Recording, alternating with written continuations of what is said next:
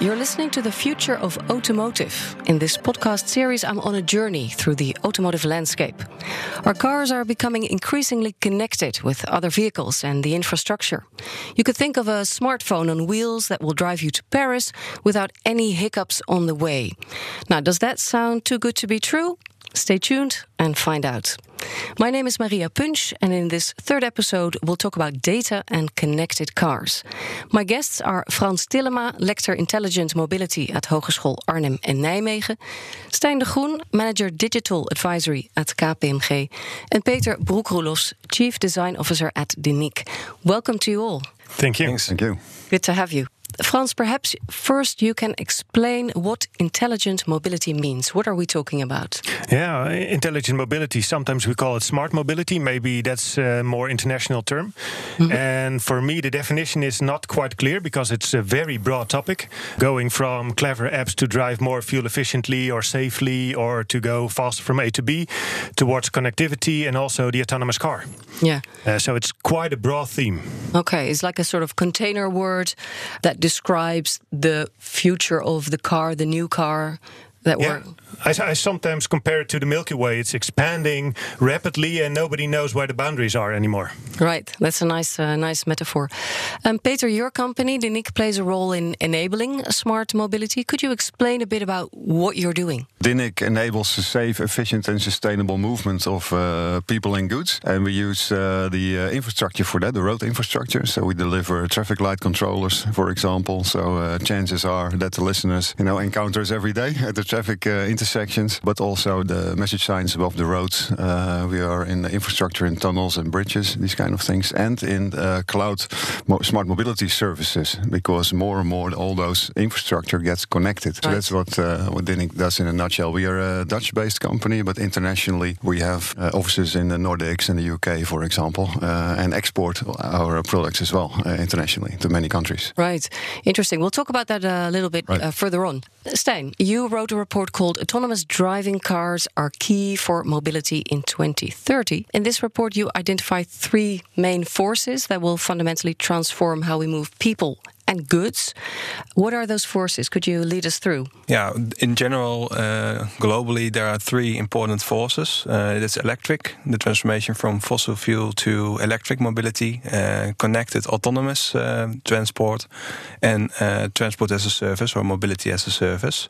And um, I think the most powerful concept is a combination of the three forces, in which we have maybe autonomous capsules which are electric and transport us, but also goods from A to B and from B to A. What do you mean with capsules? Yeah, currently we know cars and Yeah. trucks, uh, but it's when the, the, the, the way of uh, steering these cars is very different. Uh, Mm-hmm. We can also maybe design these cars very different. And maybe yeah, currently we have a, a driver in the front seat uh, steering the car. Right. Yeah, if, if it's a computer, yeah, maybe we d- we don't need that uh, spot over there, and maybe we can uh, design these cars very uh, very different and more efficient. Yeah, and they will look very different from what we're used to if you if you're talking about a capsule. If we uh, really do uh, future thinking, I yeah. can imagine that they look very different. Yeah. Frans, do you see the same forces at work, the trends? Yeah, absolutely. I think uh, also in Europe we see the electrification of, of transport. We see the sharing of transport, although there are different media things now happening where we say, well, uh, are we really going to share our private car? And autonomous driving is one of the most important uh, forces, I think, in the automotive. At least it's it's a promise for a mobility for all. So I see the same forces, yeah. Yeah, the word uh, promise is uh, is interesting uh, in this context. Peter, do you see the same forces, and what about the time frame? Because uh, the word Yes. promise is yeah, Good question. I think uh, mobility as a service also has different uh, connotations, and the one uh, used here is more or less that the car sharing is the mobility as a service, and, and I think that's very much dependent actually on a real autonomous car, so level five full autonomy, uh, because then the car can really drive up to your doorstep, right? And, uh, And you don't need can that parking it, right? space. Exactly. So not owning a car, I think, will uh, will take a while. Of course, the the newer generation might uh, hop on that earlier. But mm-hmm. mobility as a service has also uh, a connotation of using more public transport and more integrated mobility, uh, cycling, electric uh, bikes, these kind of things. And, and I think that can be quicker successful. Mm-hmm. And you mm-hmm. now already see, and it was just published some figures for the for the train uh, company in the Netherlands that five percent increase of uh, of traffic in the trains already for the, the first half year of 2019, yeah. triggering them to increase capacity. So, so I think that will uh, happen sooner, actually. Yeah, we've had uh, guests in the previous episodes that said, um, you know, the, the future car is going to be a bit like a train in the sense that, you know, you can sort of sit back and you can answer emails, listen to music, have a coffee, stare out the window if you want. So, is the new technology, is that going to be a, a competition, do you think, for public transport? In the end, uh, autonomous car uh, is very convenient, uh, I would say. And then uh, car sharing, yes, is definitely um, a competitive public transport. But uh, there is a few years to go uh, before that's the case. And I think public transport itself can also, yeah, become much better. And that's at least I think the goal of those companies to yeah. to make the service so good that we have to use it more or less. Because otherwise, with all those cars, if we use the same amount of cars, then the roads will also be congested. Right. I think the same applies to public transport uh, nowadays. Uh, right. I wrote an article this weekend about uh, the limited uh, infrastructure and the limited capacity in public transport. Yeah. So if we don't use it also in a smarter way, right. we can keep investing. Mm-hmm. But in the end, uh, yeah, if we utilize the current capacity better by using smart technologies, I think that we as a society should also really take that into account and make it of importance and implement it, basically. Before we move on, I would like to pay attention to our sponsor, that is LeasePlan. With over 50 years of experience, LeasePlan's mission is to provide what is next in mobility via an any car, anytime, anywhere service, so their customers can focus on what is next for them. Now, Frans, I'd like to sort of zoom in on the connected car.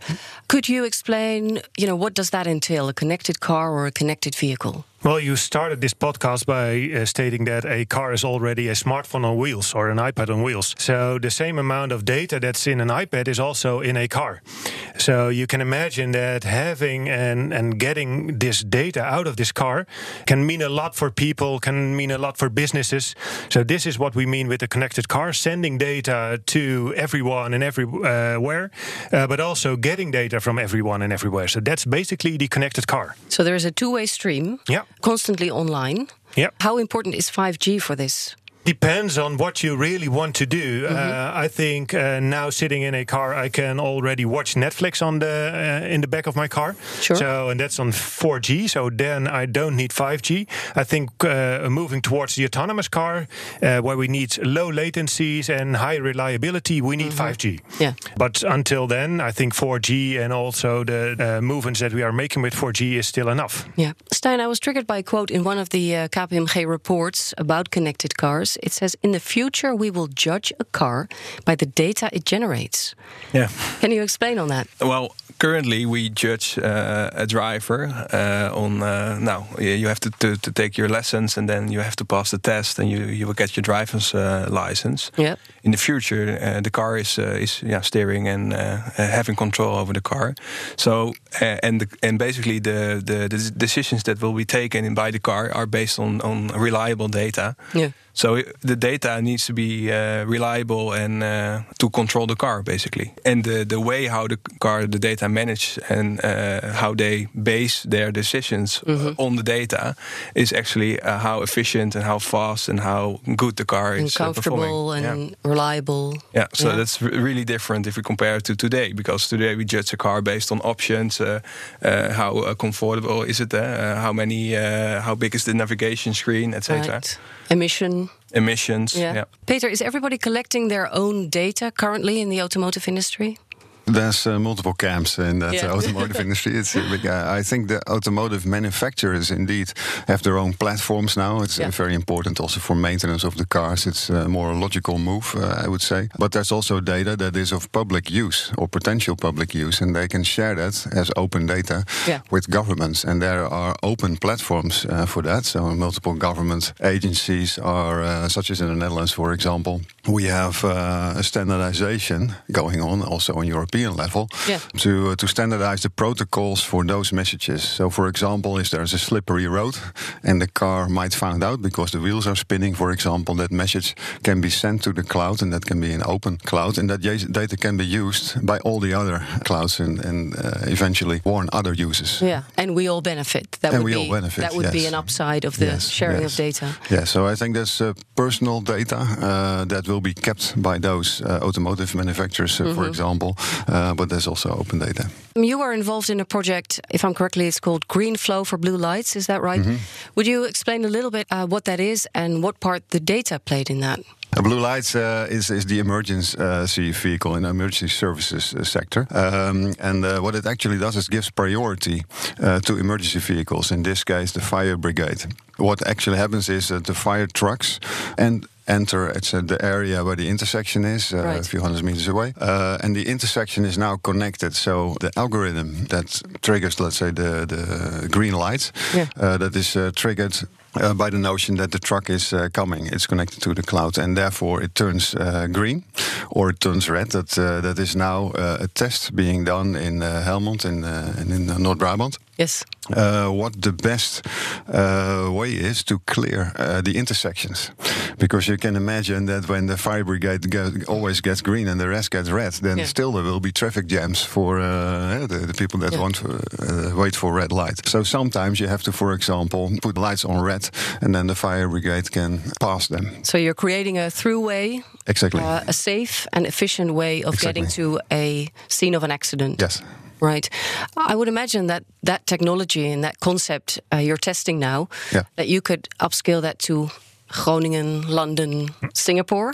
That's the idea, yeah. Yeah. So uh, exactly, Yeah. this is all based on uh, standards that have been uh, worked on for, for years now. We have intelligent traffic lights uh, in the Netherlands, so this is also based on on the thousand traffic lights that will be uh, in 2019 uh, on the street.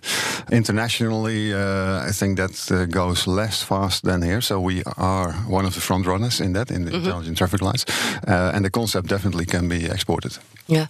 Frans, we just heard the example about like data on a slippery road, but what sort of extra or new data do we need to make those cars really connected in the future?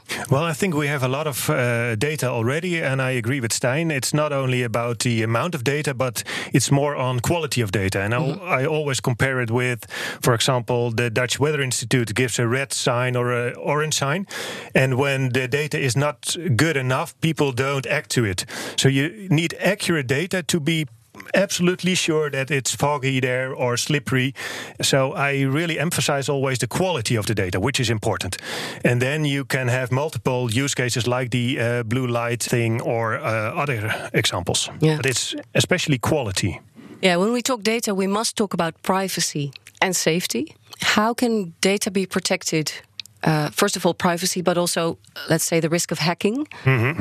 Well, well, I think privacy and security are two different things. Yeah, sure. Uh, privacy, we have the GDPR, which uh, um, has a lot of advantages with respect to privacy at this moment. There are more things that can't be done than things that can be done. Okay. Uh, so that's good. It's really protecting our data. Uh, security is a different thing, and I think everything can be hacked. It's uh, only a matter of time, and we have to make this time as long as possible uh, for things being hacked. Uh, but both are very important. I agree that privacy is the main concern here. Um, Is that the consumer concern that we don't trust handing over our data? I think it's the consumer uh, concern. Yeah. Uh, what is my car telling the manufacturer, or what is my car telling Google Yeah. when I shout, "Hey, Mercedes, uh, the car is recording something"? Well, we have seen the examples of Google and, and Siri. Right. So, what is being uh, uh, collected there? It's actually very interesting how the mind of the consumer works because we, we now talk about the um, yeah the importance of uh, privacy, for example, and importance of security. But the consumer mind works actually the other way around. So they really trust all these companies, give all the data to these companies, and when then uh, there's a, a breach or uh, the company uses it for a different purpose, then the consumer starts taking care of it and, and makes it important and says, "Well, I don't accept it anymore. I, I leave the company. I uh, resign from uh, Facebook." And I, th- I think uh, in the car it, it will work quite similar. Uh, Consumers are trusting the car companies, are trusting that the data is stored securely and properly, until the moment that uh, there's a breach or a car hits uh, hits something, makes an accident. There'll be a scandal. Uh, there is uh, it is hacked, and then Yeah. uh, consumers are getting concerned and say, "Well, is it?" Uh, ask the government maybe. Is it secured? Is it okay? Uh, there are quite a few reports on, you know, is the automotive industry ready for all the new technology and the new developments? Uh, are we ready in terms of cybersecurity? No, that's a good question. It normally uh, you trust the- the product. You start buying it, you start using it, and uh, then the, the race actually starts between the hackers and the, the OEMs and the producers of the, the products Yeah. to make it still increase uh, security levels. And, and hackers are still trying new ways to come in the system. And actually, that's not that's nothing new. Eh? There, uh, eh, we know computer systems for a long time, and also in the financial in the, in the, in the financial sector, we see quite similar uh, developments where uh, financial institutions try to protect their their systems and their data, Yeah. and hackers try to uh, to enter the systems. I think that the, this, this a similar analogy will happen also in automotive. Yeah. But we will have to invest there as well. Yeah, for sure. From in comparison to all the other levels. and that's very different for the, the current companies because they don't they are not used to this new risk basically. yeah. Now there's an extra element as well, right? So the analogy is already there. It use uh, works similar to uh, to just normal apps because there's an Android system in the car with a lot of apps you can download there. But it's now also the infrastructure that's being talked with, and uh, like I said, that's open data. And what uh, standardization uh, mostly has been done is to anonymize that. So so to try with anonymized uh, anonymized data transfer to uh, let uh, cars cars talk to each other, but also talk to the roadside infrastructure. So you don't know who it is. Uh, you just know that somebody wants priority. Yeah. Uh, you know, and what kind of car it is.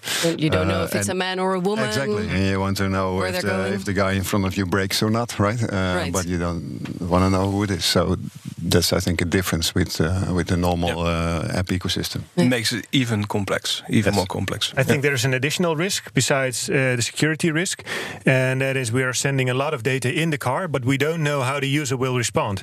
So, what is the biggest risk here? Is it not knowing what the user will do with the additional information about traffic lights, about other things, or is it secure, uh, cybersecurity? I, I don't know what is the biggest risk at this moment. There's related to this. How will we know in the future if the algorithms that are uh, developed are independent? I mean, you know, I could get the information. This is your quickest route to from one destination to the next, but then maybe I'm guided along a shopping center, and the idea is that I might have a quick stop there. I mean, does is that related to cybersecurity, Stijn? I mean, how how can we? It's a, it's more about ethics, I guess. Yeah. yeah. It's a very good question. Uh, we as a society should really keep in mind what all these algorithms do for us, eh, basically, not only in uh, automotive and mobility, but just in general in society. Uh, but I can imagine that uh, also a car that in the future steers itself and brings you from A to B uh, needs to be checked or whatever, or need to be uh, pass a, a kind of certification, uh, just to make sure that the car is doing that not from a commercial base, but really uh, the most efficient way or the more the most reliable, safe way.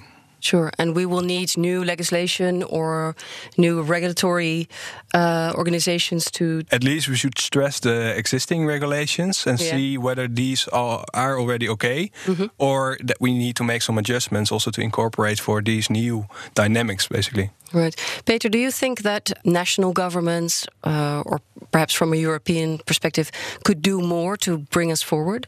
Uh, yes, of, of course. I think there's a few things that uh, need to be stressed. Is one, uh, we have experienced that it's very important that the national governments work very well together with the provinces and the cities, uh, because there can be a national, for example, standard uh, for smart mobility, and hopefully that will be then a European standard. That's not the case yet, so that is something to improve uh, already. But also within a country, um, there are different forces that trial and test different things, and before you know it, all the commercial players are doing five of the same tests in different locations, uh, Competing. so- competing uh, with each other. There, competing is good, uh, so that there needs to be a market created, a level playing field. But I think some concerted effort to get a nationwide infrastructure with uh, the same kind of uh, standards and the same kind of policies as well. Yeah. So, for example, what is a truck? You know, from which uh, is it? Is it uh, uh, a loaded truck or uh, an empty truck, or uh, what is fun for getting getting priority, for example. Uh, it shouldn't be the case that all the cities have to find out themselves, but that should be kind of, uh, I think, set on a national level, working together. So Yeah. it could be the G40, the biggest cities together, or the provinces together. But I think that is important. Yeah, and in, in addition to that, I think uh, we need to have a European level where we agree upon standards. Because, well, my car doesn't stop when I cross the border in Germany or go, going to Austria. So we need European services at least and European standardization when we really want to go ahead with this smart mobility uh, theme. So not only national, but also European. Do you think that um, European decision making, or perhaps the lack of it, is holding us back currently? Uh, I don't know whether it's holding us back. I think this is still a very new market where we see different initiatives, and it has now uh, it has to become the dust has to go down, you know, Right. Uh, um, and then we have to see wh- whether we need some new regulations. But at this moment, I see well, different business models are appearing. Let them grow, and then see whether we need some additional laws or regulations. Right. Stijn, we talked a little bit uh, at the beginning of this podcast about the big promise, the big hallelujah. What would you see are the benefits in the future of this connected car? Yeah, I think we should uh, distinguish different levels of autonomy because uh, we talked earlier in this podcast about really future thinking Yeah. and about uh, capsules and Right. re- really the new stuff. Uh, today we have already uh, levels of autonomy. Uh, already applied also in the car, and that brings uh, uh, first of all, I think a lot of comfort eh, because you, you don't have to steer yourself the, the whole time, eh, so it gives uh, some the, the, relaxed the time in form the of assistance, It's, yeah, You, and you call it advanced driver systems. right? If we uh, are getting more autonomy in the car, there's a higher level of autonomy. Um, yeah, there is an, a certain phase between I think level three, four, four, and five, where it's uh, debatable who is really driving the car. Right. So that's a very, I think, difficult period, and maybe we can solve that with infrastructure. Just to have separate lanes for the level real real autonomous cars, level five cars, uh, and have uh, yeah the current lanes for uh, cars where the driver is still responsible. Um, if you talk about then the, the benefits of it, eh, because that was the question, uh, if we have the real level five cars, yeah, you have very new business models where uh, people who ha- have no access currently to mobility, they can get access because the car can pick you up, eh, elderly people or very young people. Yeah. So that would make it more inclusive. Yeah, for sure. And I think uh, total uh, mobility will increase. So the level of uh, kilometers traveled will increase usually because it's so uh, easy to travel. ac- Actually, the car just stops by your home and Yeah. brings to where, where, wherever you want to go. And I- think also the cost per kilometer can drop because uh, the utilization of the car will be very high. There's no driver needed. Of course, the car will be more expensive, but uh, the business case for that will be very strong. So. Yeah. I think very different way of looking at it, and also uh, the government role, how to steer this new, completely new mobility landscape. Yeah. Peter, when do you think we're going to see this connected car on the roads? When is it going to be our new normal?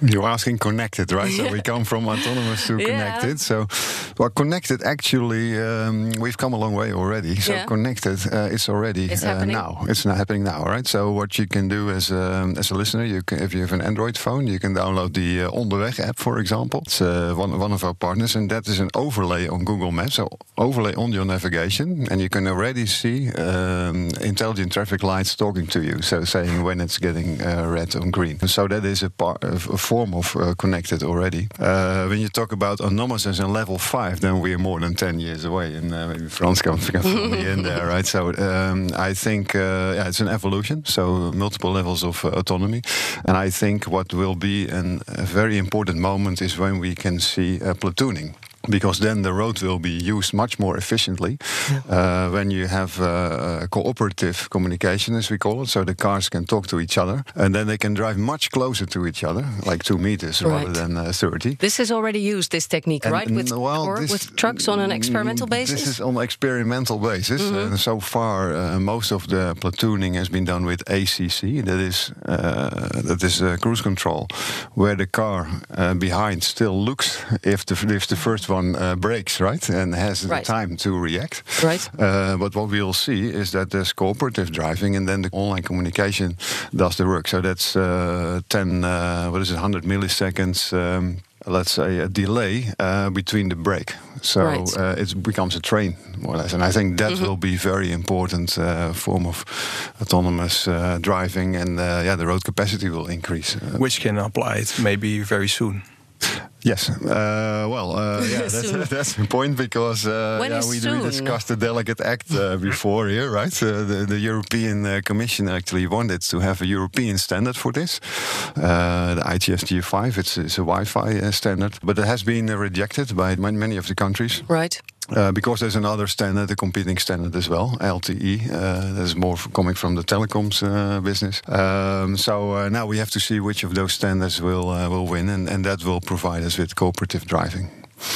Concluding, Frans, you work with students, young researchers. What are they working on? Are you testing like on your in your own controlled environment? Could you tell us a little bit about that? Yeah, well, we're testing on all these topics that we discussed uh, today. I see an, uh, a shift from from the traditional engineer to the more like electronics engineer, also in automotive. So we see a lot of guys are uh, that are really handy with with computers. Uh, so that shift is is absolutely necessary to uh, shape the future. I always tell my students, well, not in my lifetime. I'm going to drive fully autonomous, but the the way ahead uh, towards autonomy is your case and your business case. So they're really working on these topics. Thank you for sharing your perspective on technology and data in the automotive industry. Frans Tillema, Stijn de Groen, and Peter Broekroelofs. Thank you for listening. In our fourth episode of The Future of Automotive, we'll be talking about circular initiatives. You'll find us in the BNR app or in your favorite podcast player. And if you enjoyed this podcast, you could leave a review or share it with someone. We would highly appreciate that. Till next time.